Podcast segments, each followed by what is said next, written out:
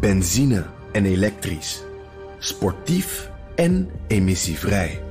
In een Audi plug-in hybride vindt u het allemaal. Ervaar de A6, Q5, Q7 en Q8 standaard met quattro vierwielaandrijving. Wat u ook zoekt, u vindt het in een Audi. Audi. Voorsprong door techniek.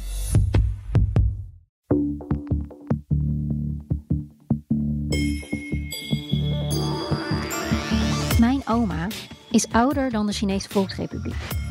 Ze heeft het ontstaan van de partij meegemaakt, is naar een strafkamp op het platteland gestuurd tijdens de culturele revolutie, heeft haar kinderen zien studeren toen de universiteiten eindelijk weer open gingen.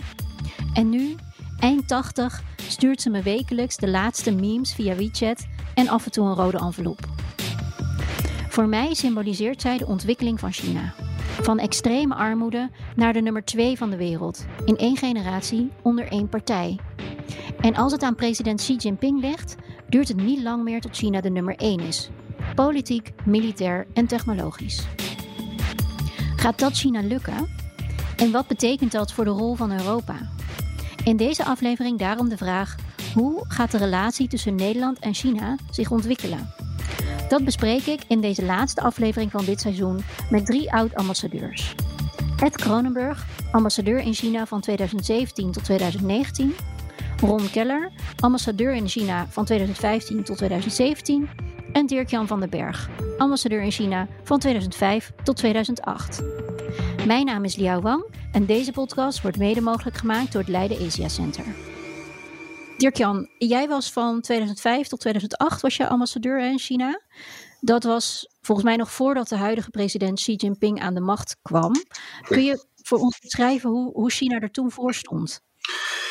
China was toen uh, Alice in Wonderland, zeg maar, voor het bedrijfsleven in andere delen van de wereld. Enorme groei, double digit, geweldige kansen. En het was ook een hele optimistische tijd, want China had de weg gevonden. China sloot zich aan bij de wereld. Geweldige kansen in de Chinese markt, ook geweldige kansen voor Chinese producten. Enorm veel belangstelling om naar China te komen, om te kijken of daar mogelijkheden waren om, om uh, zeg maar transacties te doen, om daar uh, ook echt een aanwezigheid op te bouwen in de Chinese markt. Uh, er leek wel geen vuiltje aan de lucht te zijn. zo was het toen. enorm veel delegaties die toen naar China kwamen. ja, iedereen probeerde toch van dat economische succes ook een gaantje mee te pikken. Um, Chinezen zelf die stonden daar zeer open voor. Waren ook eigenlijk vooral geïnteresseerd in samenwerkingen die wat meer inhielden dan alleen maar het verkopen van een product. Maar waren ook heel geïnteresseerd in oplossingen die we konden aandragen. In wetenschappelijk werk dat we daar in dat verband ook uh, aan verrichten. Uh, en als je dus met een propositie kwam die ketens afdekte, zeg maar, vanaf de kennis tot en met het product, uh, dan was je zeer, zeer welkom. En eigenlijk een hele ja, optimistische en upbeat tijd. En was China voor Nederland toen al in beeld, zeg maar? Was het een thema überhaupt vanuit Nederland? Um, het was zeker een thema. Um, uh, het, het, leuke is ook dat, dat uh, Nederland ook eigen in beeld was bij de Chinezen. He, want Chinezen kijken altijd heel graag naar statistiekjes. En tot op de dag van vandaag, denk ik, verbazen ze zich over het feit dat een land met een dergelijk gering uh, oppervlak toch wel even de tweede exporteur is van landbouwproducten in de wereld. Nu is landbouwproductie iets wat in China erg belangrijk is, want er moeten 1,4 miljard mensen gevoed worden. Dus dan heb je wel de aandacht. Uh, dus de belangstelling was er zeker over en weer. En ik heb toen in die dagen eigenlijk nooit enige belemmering ondervonden om het Nederlandse product, in wat voor vorm en gedaante dan ook, onder de aandacht te krijgen van de Chinezen. Dat ging eigenlijk heel goed. Hey, en Ed, jij was rond die tijd was jij betrokken bij de NAVO. Um, uh, hoe heb jij. Ja, dat ging eraan vooraf. Ja. Oké. Okay. Nou, ik was gewoon even benieuwd, want jij was toen natuurlijk nog niet in China, nee. maar wel uh, actief op het internationale gebied. Um, in hoeverre leefde China voor jou en, en waar ging het dan over? Uh, het was geen onderwerp van gesprek op dat moment. Nee. nee. nee. En, en Ron, jij was in die periode ambassadeur in Oekraïne. Uh, hoe heb jij dat ervaren? Ja, nou, in Oekraïne hadden ze uh, hele andere problemen. die hebben ze nog steeds overigens. Um, nee, dat, ik, ik denk dat als ik een, een half jaartje terug mag smokkelen uh, in, in jouw tijdlijn. Toen was ik net nog directeur-generaal ontwikkelingssamenwerking bij Buitenlandse Zaken. En in die vijf jaar dat ik dat heb gedaan, heb ik uh, uh, gezien dat we het, China-ontwikkelingsprogramma, want in 2000 hadden we nog een ontwikkelingssamenwerkingsprogramma met China. En vanwege alle ontwikkelingen die Dirk Jan beschreef, uh, de ontwikkelingen die eigenlijk al door Deng Xiaoping in gang waren gezet in eind jaren 80, begin jaren 90, Um, ja, was China heel snel aan het, uh, aan het, zoals dat heet, gradueren, dus aan het opwaarderen, zeg maar, uit die armoede aan het komen. Um, dus wij, uh, ik, had de eer om het ontwikkelingsprogramma in China te sluiten. En dat was, een, en dat was nog nooit zo snel en zo hard gegaan, in, in welk ontwikkelingsland dan ook. Uh, van een hele diepe armoede naar een onvoorstelbare groei. en, en dat, dus dat beeld had ik wel heel sterk, van daar groeit iets van ongekende snelheid en grootte. En Dirk-Jan, wanneer merkte jij, uh, of misschien was dat nog helemaal niet tijdens jouw uh, ambassadeursperiode, maar uh, in hoeverre merkte je dat er op een gegeven moment anders naar China werd gekeken, vanuit Nederland bijvoorbeeld? Ik denk dat dat eigenlijk vooral na mijn periode tot stand gekomen is. En eigenlijk zijn daar drie bewegingen, maar ik wil niet het gas voor de voeten van anderen wegmaken. Maar wat er gebeurd is, is dat uh, China toch echt een tijdje gedacht heeft van ja, misschien is er toch wel zoiets als een global economy. Hè? Is niet alles met Chinese characteristics. Dat is altijd de pieton wat ze toevoegen om een eigen oplossing te propageren, zeg maar. Maar heeft de financiële crisis heeft daar een dikke streep door getrokken. Want dat vond men geen aanbeveling voor het uh, wereldeconomisch systeem zoals dat gegaan is. En de conclusie is bij het Chinese leiderschap uh, heel hard getrokken van we staan helemaal voor onszelf. Dat is wel duidelijk. Dus we moeten ook heel goed en duidelijk een eigen spoor trekken. Dat was één. Twee, al die uh, spannende ontwikkelingen in China, double digit growth, de welvaart die dat bracht, gaf toch ook wel heel veel uh, vrijheid en levendigheid in de samenleving. En dat was ook tijd om daar toch wat meer weer de, het gezag van de partij te vestigen. En dat zie je natuurlijk ook heel duidelijk gebeuren in het feit dat er niet meer rule by committee is, maar uh, rule by one man. Hè. Daarachter zitten nog steeds wel die committees hoor. Maar dat, dat beeld is toch wel veranderd. Het is een beetje strenger geworden in China, dat is heel duidelijk. En ja, vanwege ook het economische succes en, en, en de betekenis van China natuurlijk op het wereldtoneel, er ook wel wat, wat, wat wantrouwen uh, richting China gegroeid. Hè. Dat was eigenlijk een beetje de buitenlandse politieke ontwikkeling. En, en ja, de laatste, voorlaatste moet ik zeggen, administratie van, uh, van in de Verenigde Staten, die, die heeft daar natuurlijk toch ook wel wat nodig aan bijgedragen. En bij ons zijn er natuurlijk ook geluiden die China toch wel graag in een soort ja, bedreigingshoek manoeuvreren, zeg maar. Ja, dat horen de Chinezen natuurlijk ook. Dus dat maakt ze ook wat ja, meer cautious, zou ik maar zeggen. Hè? Dus dat zijn eigenlijk ontwikkelingen. Ja, en Ron, jij, jij werd in uh, eh, 2015 ambassadeur. Dat was ruim twee jaar na het aantreden van, uh, van Xi Jinping. En inderdaad ook die verandering die Dirk Jan net noemde van, van de partij meer echt naar één persoon. Um, wat merkte jij daarvan? Hoe, hoe was de houding van Nederland richting China toen? Ja, nou, Nederland was, was toen nog heel sterk in, de, in, de, in, de, in, de, in, het, uh, zeg maar in de rol van het, uh, van het samenwerken op economisch gebied. Hè? En dat is, uh, dat, dat is vanzelfsprekend gegroeid na, na de tijd die ik Jan beschreef.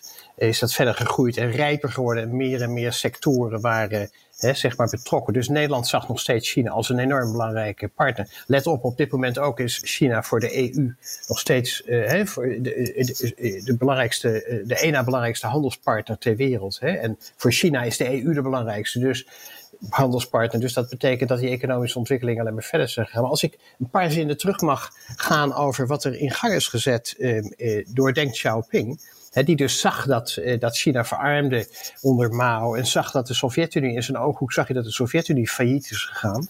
Dus die heeft, iets, heeft een recept uh, zeg maar in gang gezet dat heeft geleid tot die ongekende groei.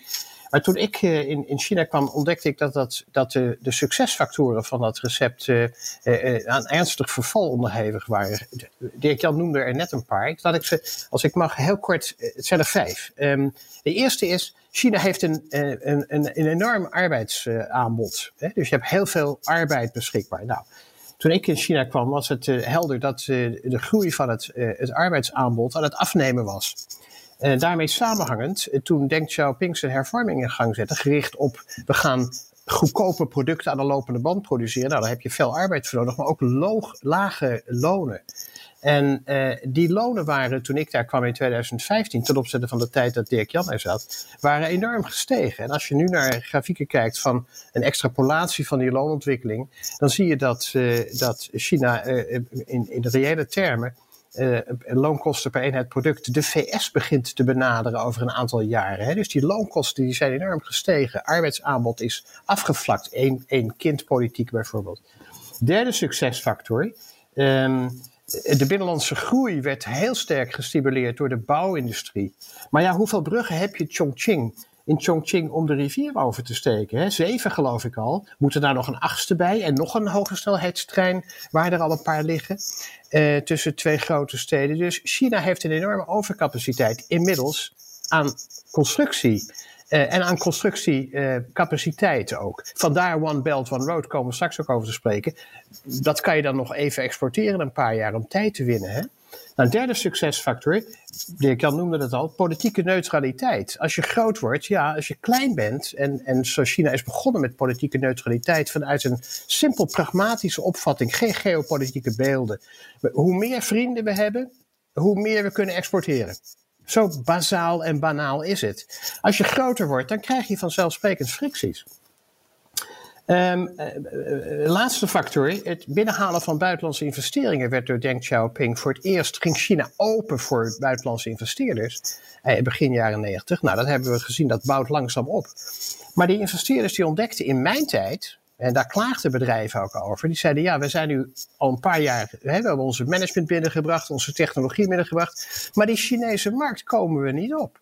Wij worden, kan je ons helpen, uh, Keller? Om, omdat, nou, dat, dat was lastig en dat is lastig. Omdat die Chinezen heel selectief zijn bij het naar binnen halen van die buitenlandse investeringen en kennis. En dat selectief shoppen, dat valt op een gegeven moment die investeerders op. Dus je ziet er dat deze vijf factoren allemaal aan verval onderhevig waren. Dat in mijn tijd al, en als je naar de statistieken kijkt, eigenlijk vanaf 2012, alle macro-economische succesfactoren, exportgroei, BNP-groei, bruto nationaal product, arbeidsproductiviteit, al die factoren, inkomende buitenlandse investeringen, al die factoren die gaan sinds 2012 stapsgewijs naar beneden. Groeit. Dus in die tijd, als ik hem even samenvat, dan dus de periode van enorme groei, zag jij in China.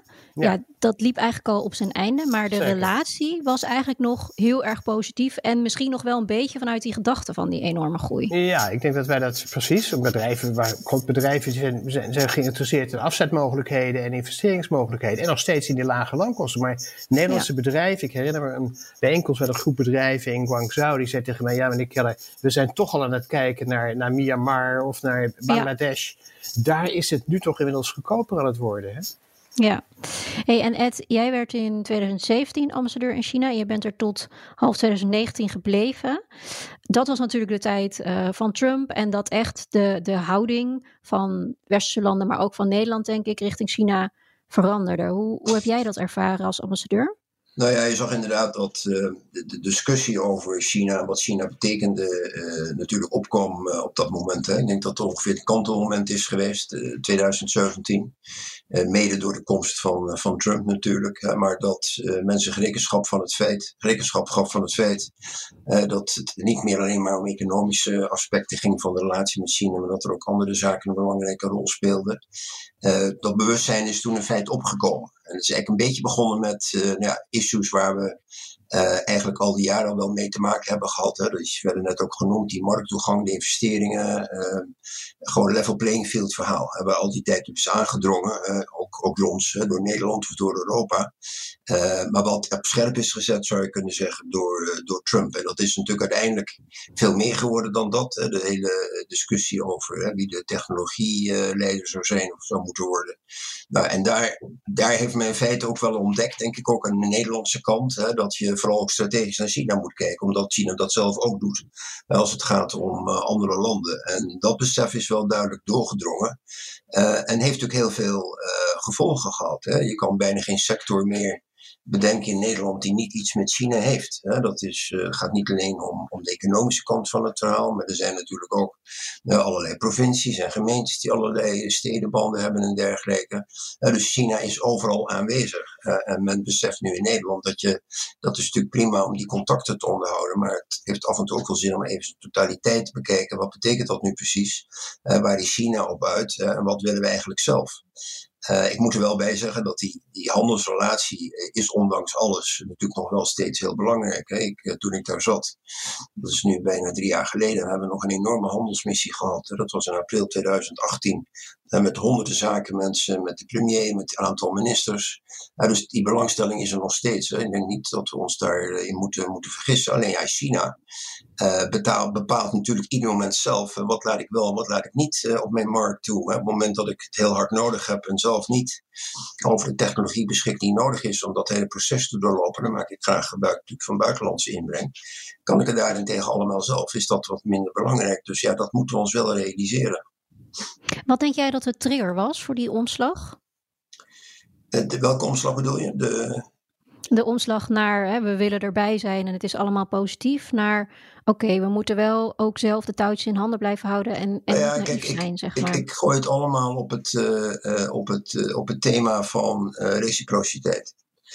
Je moet toelaten bij ons of in Europa wat ook wij daar zouden kunnen doen als het gaat om investeringen en dergelijke. Dat is het onderliggende thema. En op het moment dat dat uit balans raakt, moet je daar natuurlijk heel goed naar gaan kijken. Uh, dat heeft te maken met de rol van de staatsbedrijven in China. Uh, de concurrentie uh, die ze kunnen aangaan, ook in Europa. Dat is ook de reden dat natuurlijk binnen de Europese Commissie naar wordt gekeken. Hoe kunnen we dat nu gaan, gaan aanpakken en reguleren? zodat het geen eenzijdig verhaal wordt. je moet gewoon in staat zijn om, bij wijze van spreken, in China te kunnen doen wat de Chinezen bij ons kunnen doen als het gaat om investeringen en verkoop. En hoe, hoe, belangrijk, want ja, je hoort ook wel eens van, nou, zeker in de begin jaren 2000 heerste denk ik nog wel het idee van dat China democratischer zou worden, uh, dat het ook qua normen en waarden, zeg maar, meer richting het Westen zou gaan, om het zo maar te zeggen. Um, hoe belangrijk is de rol van Xi daarin geweest? Dat, ja, dat eigenlijk is duidelijk geworden dat dat toch niet gaat gebeuren. Nou, dat heeft met Xi volgens mij uh, niets te maken. Uh, als je China een beetje kent uh, dan, uh, en teruggaat in de geschiedenis ook, dan weet je gewoon uh, dat we moeten beginnen maakt China zelf uit wat het doet. en ze laat zich, China laat zich door niets en niemand op dat punt beïnvloeden. Dus ik denk als je die gedachte zou hebben gehad, dat dat alleen maar blijk geeft van het feit dat je China niet goed kent. Ja, Dirk-Jan, ik zie jou ook uh, knikken. Wil je er nog iets op aanvullen? Nee, ik denk dat Ed het uh, kernachtig samenvat. Hè. Uh, de, de, de Chinese dynamiek is gewoon andere. Hè. En het, het, interessante is wel dat wij dat heel erg vanuit een westers analyse, raamwerk allemaal bekijken. En zeggen, oh, er is geen democratie, want er zijn geen verkiezingen. dat is toch een misverstand. Er is eigenlijk heel veel democratie in China, alleen gaat dat via de binnenband. Dat is een heel ander proces dan wij dat kennen. En we zouden dat beter moeten waarderen. No way dat de communistische partij iets kan doen wat tegen de wil van de bevolking ingaat. Dan komen ze in grote moeilijkheden. Dat weet de communistische partij, dus luisteren ze wel naar de bevolking.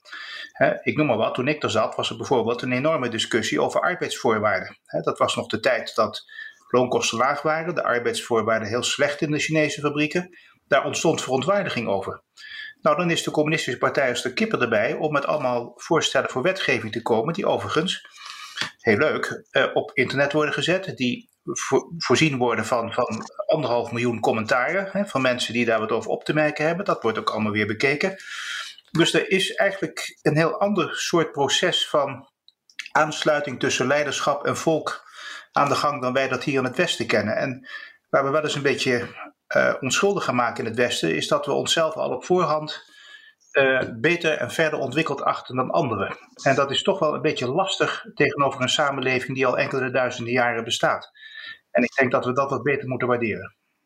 Heb jij het idee dat we genoeg uh, kennis hebben in Nederland van China om, om goed te kunnen anticiperen op nou ja, hun intenties, maar ook wat wij daaruit willen halen? Nou, ik zou willen zeggen nee, nee en nog eens nee. Oké, okay, helder. Ja. Mag ik daar iets aan, toevoegen? Nou, ik, ik, ik ben het met twee collega's heel erg eens. Um, um, Ik denk dat, uh, ik heb gezien zelf, en dat zal Ed ook uh, herkennen, dat bijvoorbeeld de milieuvervuiling, de luchtvervuiling, hè, dat is ook zo'n voorbeeld van hoe responsive de overheid toch wel is binnen, de, binnen de, de kaders van het systeem en binnen het Chinese denken. Ik ben het ook erg met Ed eens dat het verschil niet zit in het persoon Xi Jinping. Het is een, het, het is een collectief leiderschap Ehm, en dat, dat, dat is heel vreemd. Weet je, er zijn drie systemen op de wereld. Je hebt het, het, het verlichtingsmodel, hè, uitgaande van het individu, wat wij kennen. Je hebt het piramidale model, hè, zoals in Rusland, daar heb je een steile top. En je hebt het Aziatische collectieve model. Dus om nou opeens eh, te denken dat onder China van systeem gewisseld is, dat is net zo arrogant als te denken, zoals Dirk Jan dat net verwoordde, dat wij het altijd beter hebben. En dat sterker nog, de hele wereld uiteindelijk democratisch en westers gaat worden. Dat is een totale misvatting, zoals Ed ook zei, van de 4.000, 5.000 jaar geschiedenis van China. Dus dat niet. Als ik naar jouw vraag terug mag van, van, van waarom is die omslag gekomen in Nederland? Ik denk eerlijk gezegd dat het strategisch denken in Nederland, de kennis van China is onvoldoende, eens. Uh, maar het strategisch denken is, uh, is in Nederland ook niet zo heel sterk uh, ontwikkeld. Misschien komt het dan omdat wij meer handelaren zijn dan investeerders. Wij zijn heel pragmatisch. Als wij nu iets kunnen verkopen, dan doen we dat. Dan gaan we niet heel lang over nadenken. Wij zijn veel minder, eh, zeg maar, als schakers, zeg maar, actief in de internationale gemeenschap dan. Misschien ook omdat wij klein zijn en dat wij ons dat niet kunnen veroorloven. Dus ik denk dat dat strategisch denken bij ons niet zo sterk ontwikkeld is in, in algemene zin. Dat moet beter. Hè? Maar wat veel belangrijker is misschien nog wel, is dat wij ons, uh, uh, omdat we dat niet van, van huis uit hebben en omdat wij kleiner zijn, vertrouwen we dan heel sterk op instituties die dat voor ons doen of landen die dat voor ons doen. Nou, de EU heeft een paar jaar geleden een strategie ontwikkeld over China. En daarin zie je dat de EU kiest voor, voor drie rollen. Hè? Eh, China is een systeem rivaal als het gaat om het. Nou, rivaal is een zwaar, woord, maar heeft een ander systeem. Uh, China is een, een, onderhandelingspartner als het gaat om handel investeringen en level playing field, zoals collega's net beschreven. En China is ook een partner, want we hebben China ook nodig voor klimaatverandering uh, en voor, voor überhaupt voor mondiale governance in een verder globaliserende wereld. Nou, die drie rollen, die, die, die staan dus haaks op wat de Amerikanen hebben aangestoken een paar jaar geleden. Rus, eh, China is de vijand. Ik zei bijna Rusland, dat is Freudiaans. China is de vijand. ja, doe maar. Nog een vijand erbij. Nou, maar goed dat we een leger hebben. Hè? Ja. Maar China is de vijand, eh, is door de, de, Amerikanen op de agenda gezet. En waarom is dat nu? Hè? Dat, is niet alleen aan Trump te wijten hoor. Dat broeit al, uh, al langer. En dat zal nog wel door blijven gaan. Het heeft toch gewoon te maken met wie, wie heeft de langste, om het maar even plat te zeggen. De Amerikanen die bang zijn dat ze hun hegemonie van, die, ze, die ze hadden gekregen na de val van de Berlijnse muur kwijtraken. En die dus simpelweg, simpelweg China, ja, ik zou bijna zeggen, ik wil niet nou uh, China hier verdedigen, maar die, dat valt mij heel sterk op, die China het demoniseren zijn. Hè? De hele campagne richting Huawei is gebaseerd op totale scaremongering, gebaseerd op nul feiten. En hè, we hebben een rechtssysteem in de westerse wereld. Je bent pas veroordeeld tot, je, tot er bewijs is geleverd. Hè? Nou, daar, eh, voor het geval van Huawei uh, telt dat blijkbaar niet. en zo zijn we China aan het demoniseren op een, op een manier die ons uiteindelijk geen, ook geen baten brengt. Hè? Uiteindelijk ons alleen maar het verkeerde voet zet. Dat denk ik ook, want ik wil er nog aan toevoegen dat we heel erg naar China kijken vanuit de kwantiteit. Hè? Oh, het is een groot land. Oh, 1,4 miljard mensen. Oh, wat een grote economie. Maar ik denk dat het hoog tijd wordt om China ook te analyseren vanuit het aspect van de kwaliteit. En naar mijn gevoel hè, eh, is een van, van, van de key concurrerende uh, factoren is wetenschap. Is de kwaliteit van je onderzoek, is de kwaliteit van je R&D, is je vermogen om wetenschap in innovaties om te zetten. Dat is toch echt een hele belangrijke sleutel naar de toekomst. Dat is eigenlijk een gebied geweest waar de westerse wereld toch altijd wel een soort hegemonie op had. Uh, dat is aan het veranderen. Uh, China kan ondertussen ook een heleboel zelf. Zit ook op een heleboel gebieden in uh, de voorfront van de wetenschappers. Dat hebben ze ook heel bewust op geïnvesteerd. Ze hebben ook knappe koppen weer teruggehaald naar China. Dat is ook allemaal gebeurd. En dat is geweldig in ontwikkeling. En dat dan ook weer gekoppeld aan het feit dat men daar beleid kan ontwikkelen met tijdshorizonten van, van 10, 20, 30 jaar met het grootste gemak. Iets wat bij ons eigenlijk niet gebeurt of nauwelijks mogelijk is. Uh, dat, dat maakt dat ook in kwalitatief opzicht China een hele belangrijke speler wordt.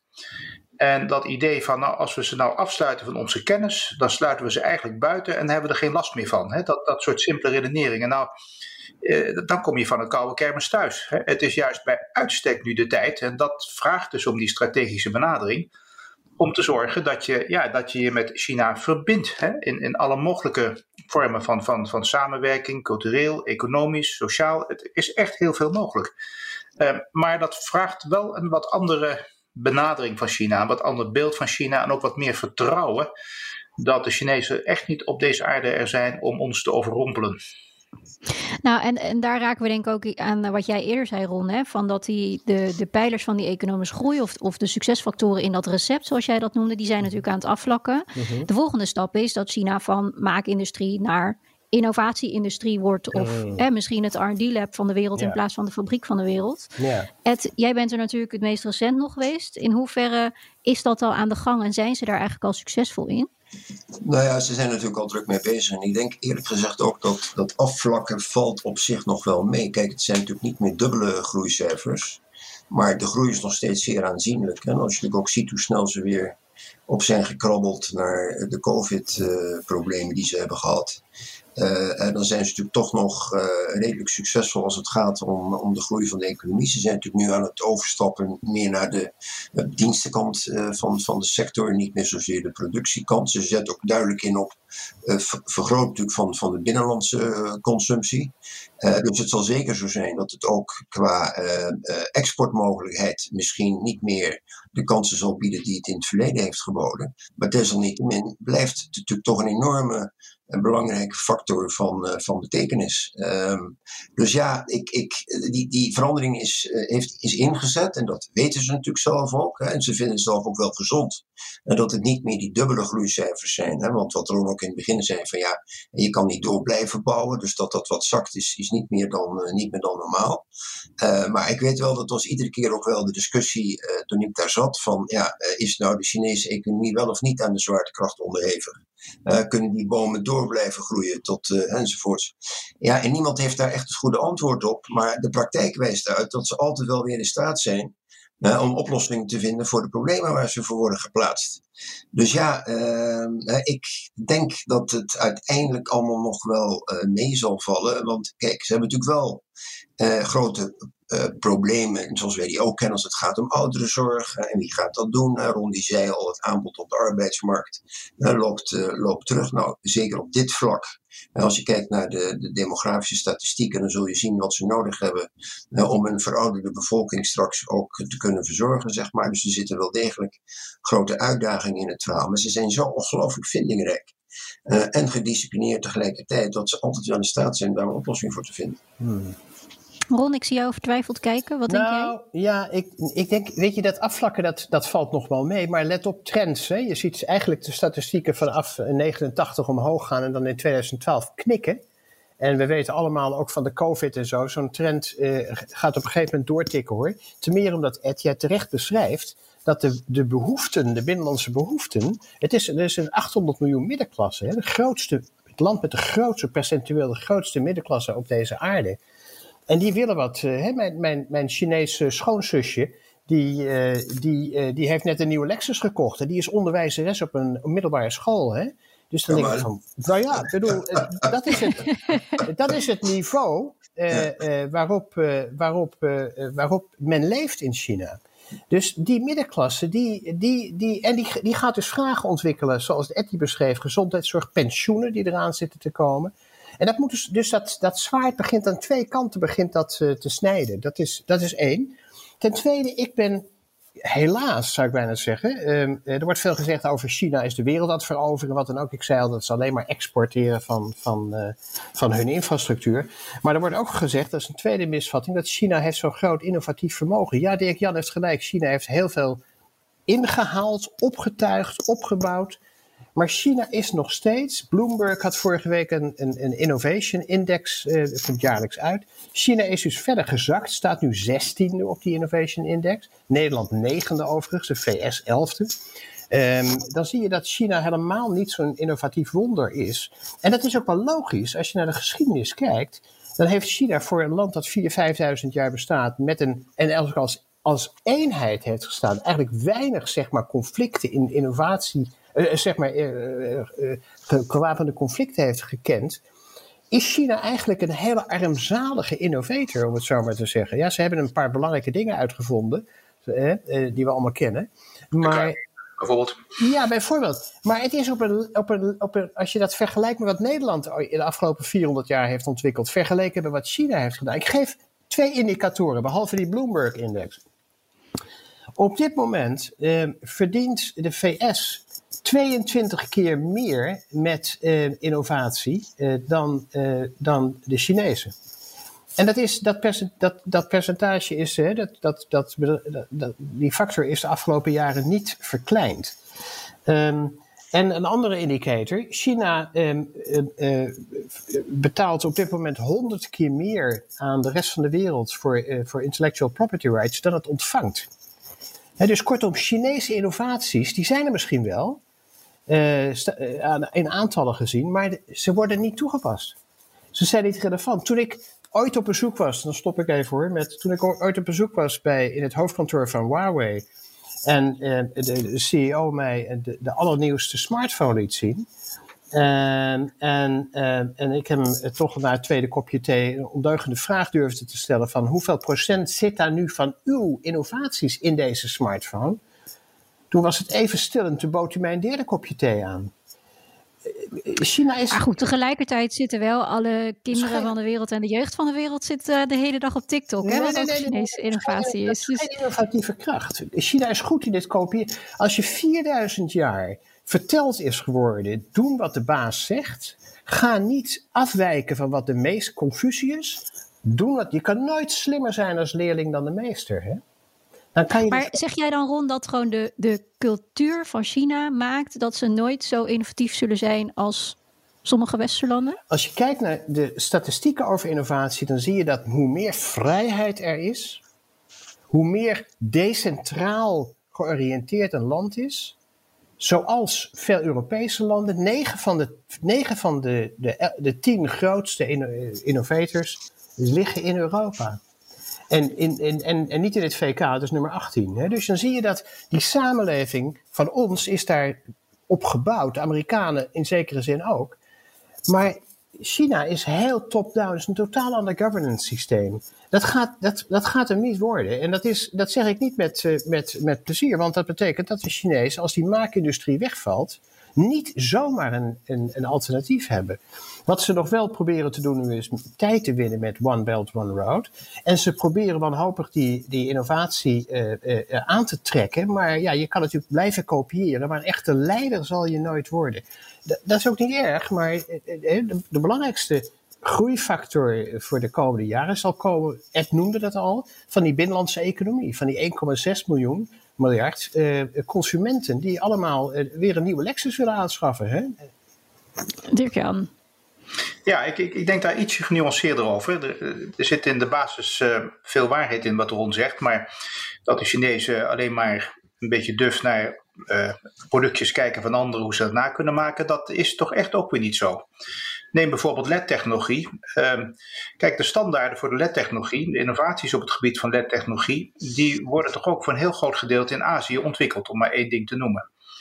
Tweede voorbeeld, ehm, het werken met databergen, artificial intelligence, uh, ja, dan heb je toch in China wel een heyday als uh, innovator om daarmee om te kunnen gaan. Hè? Omdat daar natuurlijk een wat andere norm geldt hoe je omgaat met data. Dus daar gebeurt toch wel ontzettend veel. Uh, ook op het gebied van, van zeg maar, farmacie uh, is er toch wel veel ruimte in China, omdat vaak medicijnen toch heel erg getest worden op het westerse model, om het zo maar eens te zeggen. En dat is toch net niet helemaal passend bij het Chinese model, hè, zal ik maar zeggen. Dus daar is ook echt heel veel werk aan de gang. Het is misschien wel waar dat China niet direct een innovator-driven geheel is, maar ondernemend zijn ze wel. Uh, want dat kun je toch uh, de Chinezen niet ontzeggen. Hè? Dat ze overal wel een handeltje uit weten te, te, te, peuren, als ik het even zo mag zeggen. Dus daar gaat toch wel een bepaalde dynamiek van uit hoor. En dan natuurlijk ook dat gecombineerd met een beleid die dat enorm ondersteunt, hè, uh, innovatie. Maar inderdaad, Chinezen zijn niet erg succesvol in het omzetten van wetenschappelijk onderzoek naar innovatie, om niet te zeggen eigenlijk helemaal niet succesvol. Maar ehm, er wordt wel in geïnvesteerd en er wordt ook natuurlijk gewerkt aan het uitbreiden van het afzetgebied van China door bijvoorbeeld zo'n One Belt One Road uh, initiatief. Hebben we denkt, nou ja, wat is dat nou? Een spoorlijn van nowhere to nowhere. Uh, nou, dat is niet helemaal zo hoor, want onderweg kom je toch wel zo'n paar honderd miljoen mensen tegen. Hè? Uh, dus wat dat betreft is dat allemaal wel, ja, over strategisch denken gesproken, is dit er wel eentje. Hè? Want dat is iets wat we in de komende 10, 20 jaar nog niet erg zullen zien, maar over 30, 40 jaar gaat dat er anders uitzien. Dus ik denk dat er toch wel heel veel dynamiek is. Ja, en dan nog even, oh ja, het gaat niet goed met China, want ze groeien niet met double digit. Ja, ondertussen is de economie wel qua omvang vier keer toegenomen hè, sinds ik er zat. Hè. En ja, dan is 6% ook weer ontzettend veel. Hè. dus dat, dat, dat, de, dus daar, daar, daar wordt echt nog wel wat uh, tot stand gebracht, zal ik maar zeggen. En, en China is nu natuurlijk de tweede wereldeconomie en na, na Amerika. Gaan ze nummer één worden, denk je? Um, ja, ik denk dat dat heel goed mogelijk is. Uh, maar dat is niet zo'n enorme kunst, want ze hebben gewoon drie tot vier keer zoveel mensen als de Amerikanen. Hè? Dus dat, uh, ja, dat, dan, dan, uiteindelijk is natuurlijk toch een van de determinanten van de lange termijn groei is het bevolkingsomvang. Hè? En ja, daar staan ze toch wel even bovenaan, naar India. En Ed, jij hebt eerder ook wel eens gezegd dat met, met economisch gewicht komt ook politiek gewicht. Um, hoe denk jij dat de politieke rol van China zich verder gaat ontwikkelen? Ja, ik denk dat het eh, nu vooral op aankomt dat we kijken wat voor uh, modus vivendi ze kunnen afspreken met de Verenigde Staten. Ik denk dat dat het belangrijkste is op dit moment. Uh, waarbij denk ik de verschillen wel duidelijk zullen worden gemarkeerd uh, over en weer, uh, voor zover die al niet duidelijk zijn. Maar tegelijkertijd is er ook denk ik wel het besef, want als ik hoop het aan beide kanten, en dan rondom het net geloof ik ook, of Dirk Jan, dat ze op aantal punten heel duidelijk samen moeten werken. Ja. Uh, het klimaatverhaal is daar natuurlijk een, een, een, ja, goed of slecht voorbeeld, net hoe je het noemen wilt, van. Maar ja, daar liggen zulke grote belangen. dat ik hoop dat die in feite in die relatie zullen prevaleren. En tegelijkertijd, en dat zal niet anders zijn, is het denk ik wel goed dat ze ook tot een soort vergelijk komen, maar niet voortdurend met elkaar zeg maar, de strijd aangaan, omdat niemand daar uiteindelijk iets mee opschiet. Uh, maar goed, misschien is het een beetje wishful thinking. Maar ik, ik denk, ik hoop althans dat het een beetje deze kant op gaat. En nou ja, goed, je ziet al wat bewegingen. Heel voorzichtig ook, uh, ook aan de Chinese kant, zeg maar. Waarop ze nou ja, een beetje laten blijken dat ze inderdaad wel bereid zijn om op deze manier de, de, de relaties met de VS eh, aan te pakken. Maar goed, we zullen het zien. En, en welke rol denk jij dat Europa daar dan uh, in gaat spelen of in zou moeten spelen? Nou ja, kijk, het belangrijkste zou zijn dat Europa gewoon zijn eigen positie bepaalt. Dat je gewoon binnen Europa tot een, een, afstemming gaat komen over de manier waarop je hiermee omgaat. Dat je je niet laat leiden door de een of de ander. Dat je ook niet zeg maar, probeert om de, de bekende equidistance toe te passen, waarbij je net zoveel afstand bewaart tot de een als tot de ander. Dat is natuurlijk ook niet logisch, omdat we natuurlijk een aantal opzichten veel meer gemeen hebben met, uh, met de Verenigde Staten. Maar je moet wel als Europa, wil je meetellen, uh, ja, tot een, een, gezamenlijke aanpak komen. En dat is best nog wel lastig, omdat de meningen binnen Europa ja. natuurlijk enorm uiteenlopen. Uh, maar goed, wat ik denk gaat gebeuren is dat toch wel de belangrijkste Europese landen, de Fransen en de Duitsers, die elkaar op dit punt kunnen vinden, dan zullen anderen zich daarbij aansluiten. Ja. in Nederland, denk ik. Het is wel belangrijk, hè? want China is altijd wel gevoelig voor positie en macht, als ik het zo mag zeggen. Hè? Ja. En dat verdeelde Europa, politieke vlak, dat vinden ze echt, uh, echt, echt non-playerachtig. Hè? Ja, klopt. En ze begrijpen het ook niet goed, maar zij begrijpen misschien überhaupt Europa ook niet zo goed. Ik werd altijd wel getroffen door het feit, blijkbaar is het zo, dat de Eerste Wereldoorlog uh, in China ook wel aangeduid wordt als de grote Europese burgeroorlog. Hè? Om even aan te geven hoe men eigenlijk naar ons werelddeel kijkt. En, en, en dat, uh, en dat ja, dat vraagt toch wel dat we toch beter met elkaar afgestemd tot posities kunnen komen op het wereldtoneel. Maar dat is natuurlijk al een lang gedroomde wens uh, in de Europese samenwerking.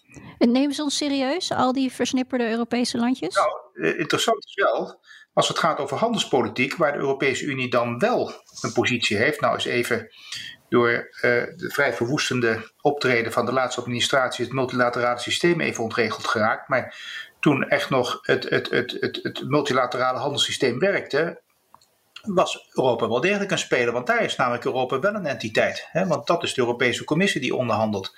Dat begrijpen de Chinezen heel goed. Zeker. Ja. Ja, ik ben het daarmee eens. En ik denk dat. Uh, mij viel op toen ik in 2015 aantrad dat de Chinezen wat meewarig naar Europa gingen kijken. Hè, waar ik een paar jaar daarvoor nog Chinese collega's had die zeiden van wauw, wat jullie aan het doen zijn, dat is fantastisch. Dat zouden we in Azië ook moeten hebben. Meer samenwerking tussen landen. Uh, maar in 2015 had men het idee van nou, jullie maken er zo'n potje van, jullie zetten niet door, het, is, het blijft verbrokkeld. Ja, dus, ja, en ik, en ik denk, ik ben het eens, dat is waar. En ik ben het eens met collega's dat, eh, dat, eh, dat de Chinese, voor de Chinezen telt zo'n machtsfactor als, eh, als, als speler. Die kijken naar die machtsfactor. Dus we hebben er gewoon belang bij om ons als Europa, ik ben het met Ed eens, ons veel en veel meer strategisch te oriënteren. We hadden dus al een strategie die, die drie sporen beschreef. Um, in de uitvoering zouden we nog veel en veel meer als Europa kunnen optrekken. Uh, en minder aan de Amerikaanse leiband lopen. Dat zeg ik niet omdat ik anti-Amerikaans ben, maar omdat ik denk dat we gewoon andere geopolitieke belangen inmiddels hebben dan de VS. Ehm, ook richting Oost-Europa. Uh, na de val van de muur is dat toch anders gelopen. VS is nog steeds een zeer belangrijke, gewaardeerde partner. Maar we moeten als Europa ons eigen broek ophouden en veel sterker optreden. Er zijn nog heel veel elementen van het level playing field die niet goed in orde zijn. Waar China ons nog steeds uh, de loef afsteekt. En daar moeten we als Europa veel harder op, uh, op, uh, op, op, op drukken. Dat wordt begrepen in Beijing. Um, dus ik ben het daar heel erg mee eens. Ik, denk dat, ik hoop dat de Amerikaans-Chinese rivaliteit gaat, gaat luwen, maar ik ben daar niet erg hoopvol op, eerlijk gezegd. Um, de agenda, de anti-China-agenda is al veel langer aan de gang dan Trump. Um, dus dat, die heeft wortels ook in de Democratische Partij. En ik, eh, ik hoop dat Biden het licht ziet en ziet dat we gezamenlijke belangen hebben en uitdagingen hebben. In, in, in onze verscheidenheid als wereldgemeenschap. Maar die belangen zullen alleen maar op mondiaal niveau groter en groter en belangrijker worden. En dan moeten we als, ook de supermachten, inclusief Europa, moeten samenwerken. En Biden tot nu toe is altijd ook heel kritisch geweest op China. Hè? Ook, ook in de verkiezingen is natuurlijk. Uh, nou, het was inderdaad niet alleen Trump. China was een gezamenlijke vijand voor zowel Trump als Biden. Uh, stel je voor dat Biden niet het licht ziet en dat het zo blijft. Wat, wat denk je dat de consequentie gaat zijn voor Europa, voor Nederland? Nou, ik denk dat, kijk, in eerste instantie, de, degene die een handelsoorlog begint, schiet altijd in zijn eigen voet. Hè?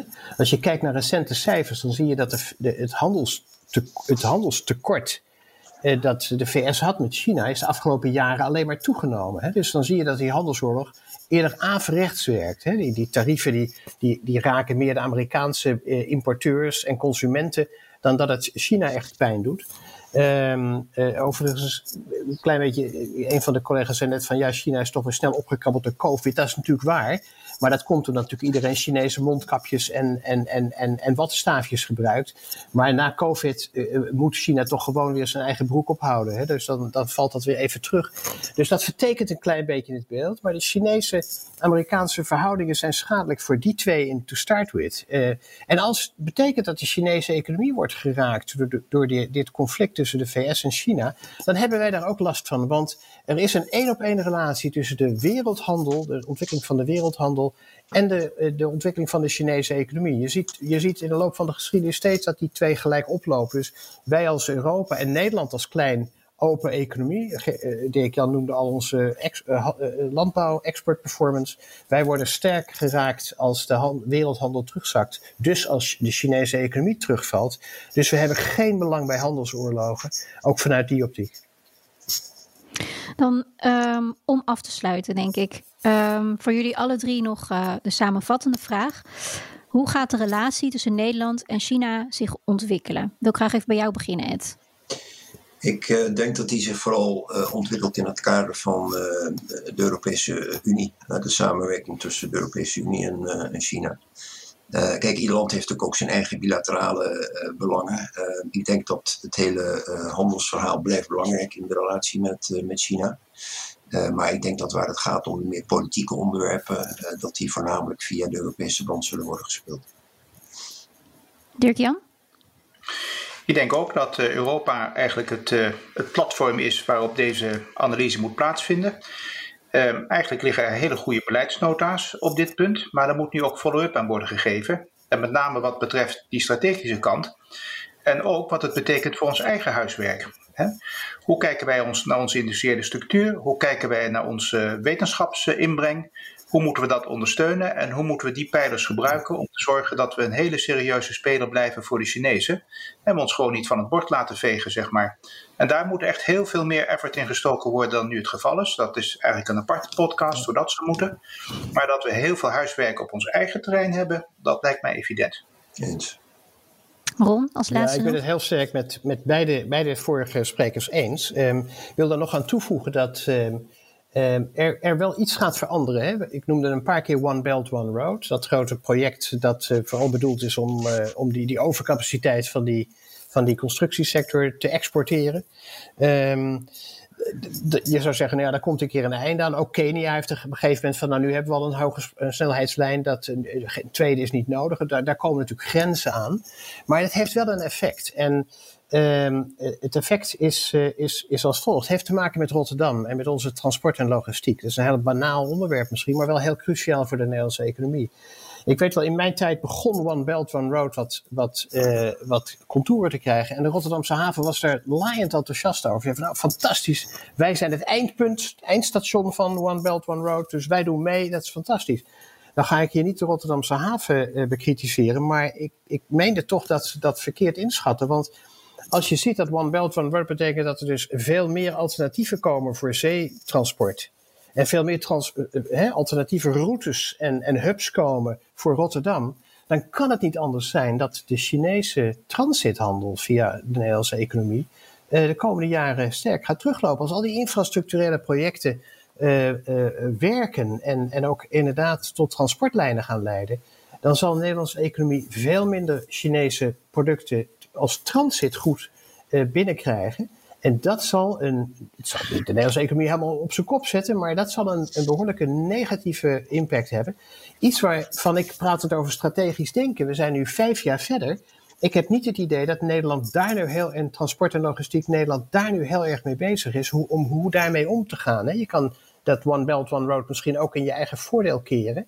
Of, of het proberen te saboteren. De mouse at word zeg ik er meteen bij. Maar uh, we zijn daar nog. Uh, het is een beetje alsof dat nou, One Belt One Road is in Kenia en in Kazachstan. Nee, dat raakt Rotterdam dus. Dank jullie wel. We hebben dus een Europese strategie nodig. En één die verder kijkt dan de komende paar jaar. Want China handelt juist met een horizon van wel tientallen jaren. We hebben nog een hoop huiswerk te doen voordat we stevig aan de onderhandelingstafel kunnen zitten. Tot zover deze voorlopig laatste aflevering van de China-podcast. Dank aan mijn gasten Ed Kronenburg, Ron Keller en Dirk-Jan van den Berg. Deze podcast wordt mede mogelijk gemaakt door het Leiden Asia Center en is terug te luisteren via bnr.nl slash China-podcast, de BNR-app of je favoriete podcastplatform. Reageren? Dat kan via podcast.bnr.nl.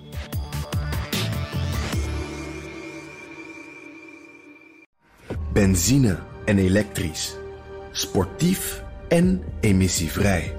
In een Audi plug-in hybride vindt u het allemaal. Ervaar de A6, Q5, Q7 en Q8 standaard met quattro vierwielaandrijving. Wat u ook zoekt, u vindt het in een Audi. Audi. Voorsprong door techniek.